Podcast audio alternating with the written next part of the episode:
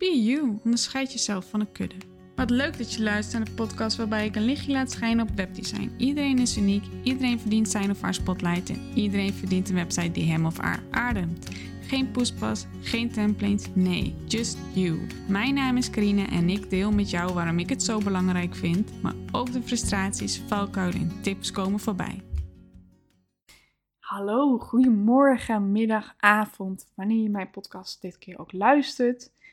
Eigenlijk vind ik het ook wel weer ergens leuk om te weten waar je hem luistert. Als ik kijk naar mezelf, als ik een podcast luister, is het of als ik gewoon even heerlijk met mijn theetje op de bank zit, op de eetkamerbank. Dan luister ik vaak de Moordkast trouwens.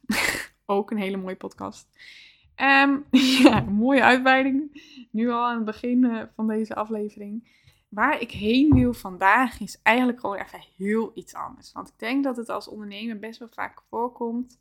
Um, dat, je een, dat er een gesprek staat gepland en dat hij uiteindelijk niet doorgaat. En dan hoor je de reden en dan denk je ook, oh, ben blij dat hij niet door is gegaan. Dat klinkt misschien heel raar. Um, ik heb dat ook wel. Laatst kwam dat voor en ik dacht, oh, ik ben blij dat het niet door is gegaan. En ik wil jullie eigenlijk meenemen daarin, in het mailtje wat ik had ontvangen. Ik had natuurlijk de actie en de actie voor zes maanden gratis onderhoud bij de lancering van mijn website. Daarbij had ik deze actie. En ik had er heel veel reacties op gehad. Ik was ook al ineens gebeld via LinkedIn, of door LinkedIn. En werd ook een uh, gesprek ingepland voor een one-pager. En dan denk je, nou dat is toch alleen maar mooi? Ja, dat klopt. Dat was natuurlijk ook heel leuk. En het gesprek was al een eindje verderop gepland. Dat ik dacht, oh dat is wel jammer. Ik had, ik had er wel zin in. Ergens was ik ook heel erg moe merkte ik aan alles, gewoon doordat het zoveel was, dat ik ook echt even dacht, oh, ik heb rust nodig. Nou, waarschijnlijk herken je het zelf ook wel met lanceringen, dat je dan af en toe even hebt van, oh, ik heb rust. Maar goed, het gesprek. Hij ging uiteindelijk niet door. En ik vind dat, ik vind dat altijd van die mooie, mooie dingetjes, uh, waar je punten uit kan halen. Want het gesprek was natuurlijk een, tijdje vooruit gepland. En weken voor stuur ik altijd nog even een mailtje. Ook sowieso stuur ik een mailtje als ik het gesprek eh, binnenkomt, omdat ik uh, een vragenlijst stuur. Want ik ben altijd benieuwd gewoon naar het verhaal, naar de wensen, naar de ideeën, naar waar diegene behoefte aan heeft voordat we het gesprek gaan hebben. Zodat, we, eh, ja, zodat het gesprek ook gewoon meteen boom kwalitatief kan worden ingezet. Ik kan daarin wel vertellen, dat deed ik eerder nooit. Dat de vragenlijst vooraf sturen en dan behandel ik dat in het gesprek. Maar ik merkte dat het gesprek daardoor best wel lang werd. En dat ik dacht, ja, ik wil diegene wel gewoon de aandacht blijven houden. Want ik merk zelf ook wel eens in lange gesprekken waarvan ik denk, nou ja, sommige vragen, nou ja, dan had ik ook wel van tevoren willen invullen. Of dat ik denk, ja, dan verlies je mij. En dat gevoel uh, wilde ik niet hebben bij mijn eigen gesprekken. Dus nu stuur ik dus de vragenlijst vooraf en het bevalt zo goed. Je hebt gewoon al zoveel informatie vooraf. Je kan al helemaal, nou oké, uh, in energie. Dus als je nog geen vragenlijst doet en je twijfelt erover, ik kan het zeker aanraden. Maar waar ik dus heen wil was dat ik dus een mailtje deed toen het gesprek binnenkwam. Maar ook nog even een herinnering voor de tijd van hé, hey, we gaan bijna in gesprek. In dat mailtje had ik ook nog even de vragenlijst opnieuw aange, uh, aangemerkt, aangevinkt omdat ik nog geen, uh, vraag, of geen antwoord had gehad op mijn vragenlijst. En ik begrijp ook, uh, neem, je moet er tijd voor nemen, dat zet ik er ook altijd bij. Maar de vragenlijst werd uiteindelijk ingevuld. En die werd ingevuld. En toen twee dagen later kreeg ik dus de melding van, nou, ik wil, ik wil het gesprek annuleren. En dat vind ik een interessante. Want um, weet je waarom? En waarom ik dit dan ook deel? Is, hij was interessant omdat de vragenlijst van tevoren nog wel, wel op, het, uh, op het moment was ingevuld. Waarin van allerlei informatie werd verteld. Uh, ik ga deze informatie natuurlijk niet delen. Maar dat ik ook dacht, hey, dat is leuk. Dat is interessant. En ook uh, dat ik dacht, nou, jou kan ik inderdaad wel helpen. En toen kreeg je dat mailtje. Het ging over, onder andere, dat dezelfde website bouwen was gelukt met tutorials. En dan trigger je mij natuurlijk, want ik dacht, oh nou, weet je, eigenlijk vind ik het dan wel heel fijn dat we beide gewoon niet de tijd erin hebben gestoken, dus dat hij is geannuleerd. Want dan match je niet met mij. Kijk, ik had ook boos kunnen zijn van ja, nou, uh, kut, het gesprek gaat niet door. Ik was eigenlijk heel blij mee. Gewoon omdat ik dan wist, je bent niet mijn klant. Of je bent het niet voor mij op dit moment. Eigenlijk op dat moment. Maar je triggerde mij natuurlijk wel, want je hebt natuurlijk te maken met het besluit om zelf een website te gaan bouwen of aan te passen. En er zit best wel een onderscheid, vind ik, tussen het zelf maken en het uitbesteden. Want vaak wordt het onderschat. En wat ik daarmee bedoel is. Ja, hoe, hoe ga ik dit nou even logisch uitleggen? In mijn hoofd komt van alles weer eens op. Het wordt onderschat, want het kan visueel er natuurlijk heel mooi uit gaan zien. Uh, aan de hand van de tutorials of uitleg of gewoon wat je zelf in elkaar hebt geflanst. Uh, mooi ook dat ik dat zo verwoord, maar um, het technische deel wordt vaak onderschat. Want die vraag komt ook heel vaak voor, of in mijn mailbox van, goh, ik heb mijn website zelf gebouwd, alleen technisch klopt die nog niet. Um, zou je die willen nakijken? En daar zit dus de lijn tussen het uitbesteden en het zelf doen. Omdat wanneer je tutorials volgt, van Want ik kijk dan de achterkant, dus dan kom ik ook van alles tegen. Maar wanneer je tutorials volgt, en het zijn allerlei verschillende ehm, YouTube-filmpjes of handleidingen, er worden altijd plugins in aangeraden. En als je daarin dan niet gaat, daarna gaat kijken van, goh, heb ik al niet zoiets? Dan heb je ook heel veel dubbelingen. En daar gaat je, ja, dan gaat het technisch al niet meer helemaal lekker natuurlijk. Omdat je dubbele scripts gaat laden, dubbele functies. En dat is gewoon heel erg zonde. En dat uh, neemt natuurlijk ook heel veel ruimte in beslag. Ruimte die eigenlijk overbodig is. Dus dat is al één ding. Maar ook het gevoel wat je wil overbrengen. En de kleuren, lettertypes wat je gaat gebruiken. Kijk, je hebt natuurlijk altijd je branding met de kleuren en lettertypes. Soms ook niet trouwens. Maar maak dat maar eens in um, eenheid. Maak maar eens een eenheid, laat ik het zo verwoorden. Want daar zit ook een van de valkuilen die ik zie als mensen het zelf doen. Zo kwam ik laatst website tegen via Instagram dus. En ik kwam daarbij omdat ik iets zocht. En ik opende het en ik dacht, oeh, shit, ik kan het eigenlijk niet lezen. Want er zat een afbeelding op de achterkant, allemaal paarse buttons. En de afbeelding was ook vrij nou, heftig dat je eigenlijk niet meer kon lezen wat er stond in de buttons. Want de buttons zelf was best wel donkerpaars nou, aanwezig paars, laat ik het zo stellen. Maar de letters die erin stonden waren ook zo dat je, hmm, ook een soort tintpaars. Dus de mm, prettigheid om te lezen was weg. En dat ik dacht, ja, nou, dit is denk ik wel weer zo'n voorbeeld. Maar ga dat is dan een aanname dat het zelf is gedaan. Omdat het, toen ik doorklikte ook, het was niet fijn. Het was niet prettig om te lezen. De kleuren waren heel raar gebruikt. Er was geen eenheid. En dat is gewoon zonde, want dat is natuurlijk ook een van de punten waar je iemand, daarom, waarom, waarom je iemand inhuurt. Omdat er, zodat er eenheid ontstaat, zodat er geen mismatch is, zodat er gewoon lekker iemand in een warm bad terechtkomt op jouw website. Dus ja, je, toen, ik, ik kreeg dat mailtje natuurlijk, want daar waren we. En ik werd getriggerd, zoals ik aangaf, omdat er een onderscheid zit tussen zelf maken en ehm, uitbesteden. Maar ook, ik was meteen getriggerd om te gaan kijken. Maar stond nog, uh, de website was nog niet leuk. En toen dacht ik wel jammer, want ik was wel even benieuwd van, goh, wat staat er dan nu? Ik weet natuurlijk ook van iemand anders. Uh, met haar heb ik een gesprek gehad voor de potentiescan destijds. Van wat ik allemaal aan de website zag. Uh, ze ging voor een nieuwe website. Die heeft ze toen ook zelf gemaakt. En of ik bepaalde dingen nog even technisch, nou, het technische verhaal weer goed wilde zetten. En ik zou een seintje krijgen als er een nieuwe website er was. Nou, het seintje heb ik ook netjes gehad. Ik heb ook gekeken en ik heb ook feedback gegeven. Het was een hele verbetering dan de eerste website die was gebouwd. Dat moet ik echt toegeven. Alleen de ademruimte was er niet. Ook de, kleur, de kleurcontrasten waren beter dit keer, want dat heb ik ook echt aangegeven. En dan denk ik, ja, waar, ik, ik vraag me altijd af van, ehm, je hebt het natuurlijk zelf heel druk als ondernemer, waarom je dan nog meer tijd ergens in zou gaan besteden, in plaats van het uitbesteden. Want in die tijd dat jij dus bezig bent met tutorials kijken, met uitzoeken hoe iets moet, met ja, de teksten schrijven, dat is natuurlijk dan ook een onderdeel.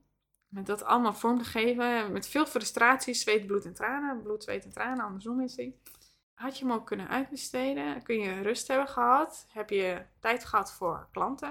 Heb je tijd gehad voor sales calls in die tijd?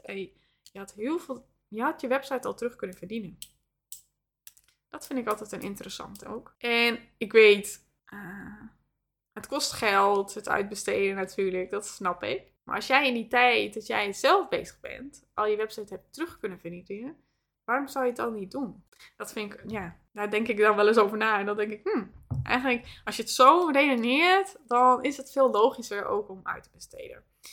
Nou, daarna zitten natuurlijk nog wel veel meer verschillen ook in het uitbesteden en zelf maken. Naast de tijd die jij kwijt bent en de kosten en het verlies wat je loopt van inkomsten. Ieder zijn vak vind ik ook een hele mooie uitspraakje in dit geval. Uh, ieder heeft zijn expertstatus. Ik ga zo. Wel mooi dat ik dit nu aanhaal, maar zo kreeg ik van de week via Facebook een, uh, Facebook een berichtje. Dat iemand op zoek was naar uitbreiding van het team voor social media. En ze zochten en of ik uh, voor hen uh, social media en health coach wilde zijn. Ik dacht, waarom kies je mij? Dat vraag ik, voor zulke dingen vraag ik dat ook altijd. Waarom mij? Want er werd heel goed uitgegeven. Ja, ik zag je profielfoto, zo leuk. En toen dacht ik, is het nou echt op basis van mijn profielfoto? Is het op basis van andere dingen die je voorbij hebt zien komen misschien ergens?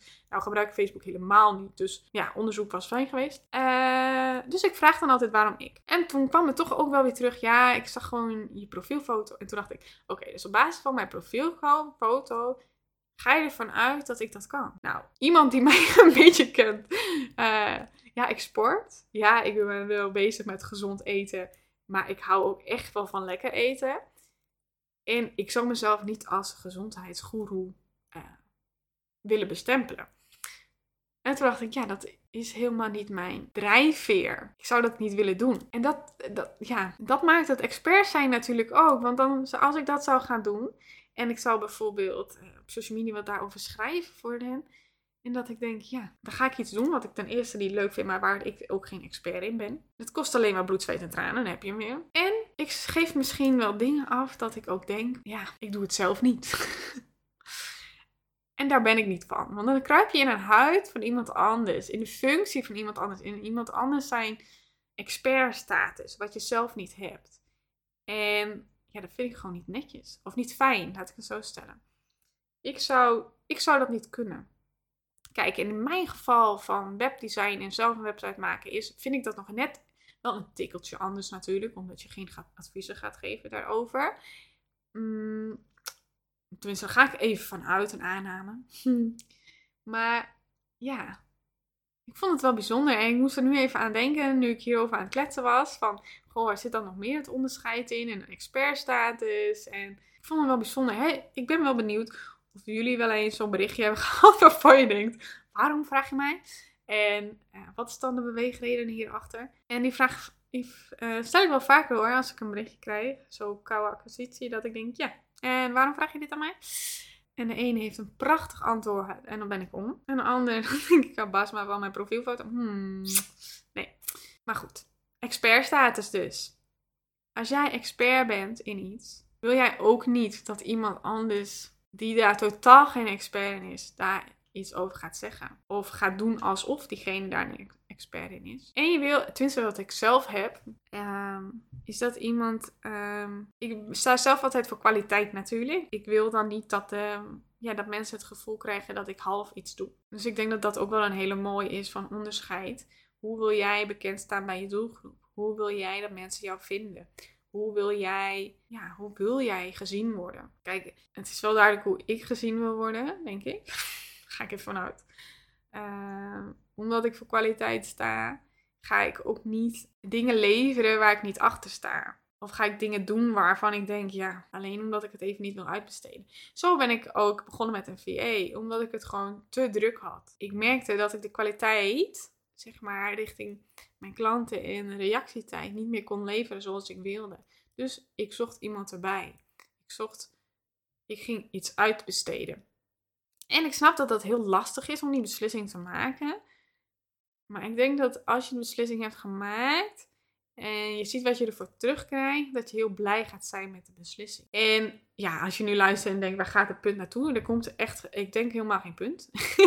ik merk ik in mijn eigen verhaal ook. Ik merk dat alles wat um, betreffend een mailtje omhoog kwam, dat ik dat uh, deel in mijn gedachtegangen wat in mij opkomen. En ja, dat je besluiten, ja, dat je het besluit neemt om het zelf te doen of dingen aan te passen. Mijn visie daarin is echt van laten doen. En dat is natuurlijk voor mij heel makkelijk te zeggen, omdat ik het zelf doe. Maar ik zou daarin het altijd uitbesteden. Zoals, je al, zoals ik heb aangegeven van het voorbeeld dat ik dat berichtje kreeg van expertstatus. Van de tijd dat jij, die tijd dat jij bezig bent, beter kan besteden aan klanten aan je binden, uh, inkomsten genereren eigenlijk. Ja, dan is dat toch een veel betere optie, lijkt mij in mijn uh, gedachtegang, in mijn visie erop. En ook omdat je dan sowieso 100% zeker bent en achter de website staat die wordt opgeleverd. Want wanneer je zelf ergens niet helemaal uitkomt en het toch op een andere manier gaat vormgeven waar je niet achter staat, dan heb je altijd een website waar je niet blij mee bent. Of van dat deel, dat dat een doorn in het oog blijft. Dus dat de energie eigenlijk op de website niet gaat stromen. En dat is wat je wil. Je wil dat mensen aangaan op je website. Je wil dat je jezelf, dat mensen echt het gevoel krijgen dat ze bij je binnenkomen. Dat is wat je wil en waar ik ook altijd voor sta. Van tonen wie je bent, waar je, uh, tonen wie je bent, waar je voor staat en waar je naartoe wilt. Dat dat allemaal wordt gevangen in één ontwerp. En ik denk dat dat het hele grote onderscheid zit. En waarom ik altijd sta voor uitbesteden. In dit geval. Of in andere gevallen ook trouwens. Met VA onder handen pakken.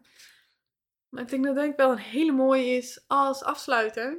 Denk eens na wat het je oplevert uiteindelijk.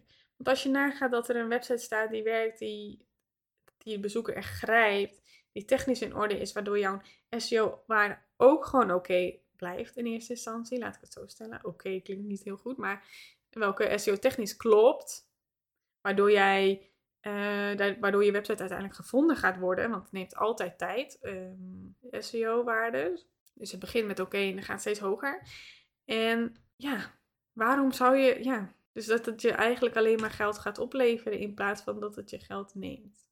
Ik denk dat dat een hele belangrijke les is uit dit geval. En ja, ik ben benieuwd, analyseer jij je mailtjes? Dus of je afwijzing? Of... Want als ondernemer hebben we natuurlijk altijd te maken dat iemand misschien ja of nee zegt. Ook bij ja's doe ik het trouwens, maar bij de nee's is het natuurlijk ook interessant van waar loopt het? En in mijn geval was, dacht ik ook echt van ja, het is goed zo. Het heeft zo moeten zijn. Het heeft, het zou voor mij heel, of ik zou het zelf heel vervelend voor mij hebben gevonden, maar ook voor de ander, als we wel het gesprek waren aangegaan en dat er helemaal een mismatch ontstond, um, de gedachtegangen niet op één lijn zijn. En dat is net als met prijsvertonen op je website. Als je het niet hebt staan en je gaat het gesprek aan en de lijn is helemaal niet in evenwicht, dat is ook zonde. Dus daarom, ben ik, daar, ja, daarom analyseer ik het ook altijd. Ook gewoon na, bij een ja analyseer ik gewoon alles. Van, goh, waar zou nog iets beter kunnen? Of waar zodat je altijd gewoon gaat optimaliseren. En ook bij nee, van waarom zegt diegene nee? Uh, waar kan het nog anders? Uh, op die manier. Dus dat is wel een interessante. Tenminste vind ik als ondernemer altijd interessant om te doen. Vroeger had ik er een hekel aan op, op de middelbare school. Dat je die reflectieverslagen voor je pop en alles moest schrijven. Maar nu uh, vind ik het heerlijk om terug te kijken van hoe is iets gegaan. En doe ik gewoon ook meteen na het gesprek. En gaandeweg als ik iets merk, dan schrijf ik het ook al op. Maar uh, ja, ik zou gewoon altijd, ik zou um, ja, er gewoon voor kiezen om de expertstatus te pakken. En gewoon niet zelf dat willen, willen bouwen. Omdat het juist je visitekaartje is. Nou ja, visitekaartje vind ik altijd niet een mooi woord. Maar juist omdat het je business is. Omdat je wilt tonen wie je bent. Om te tonen wie je als expert bent. Dus um, ja, dat was even wat ik vandaag kwijt wilde. Even heel iets anders. Even op de eerlijkheidstour. En daar sta ik natuurlijk ook voor. En mochten er vaker van deze dingen voorbij komen, zal ik het ook zeker delen. Leuk dat je weer hebt geluisterd. En mocht je zelf dingen hebben waarvan je denkt: oh ja, zo'n gek berichtje heb ik ook een keer ontvangen. Oh, laat het me dan gerust weten. Ik ben heel benieuwd. En uh, tot de volgende keer.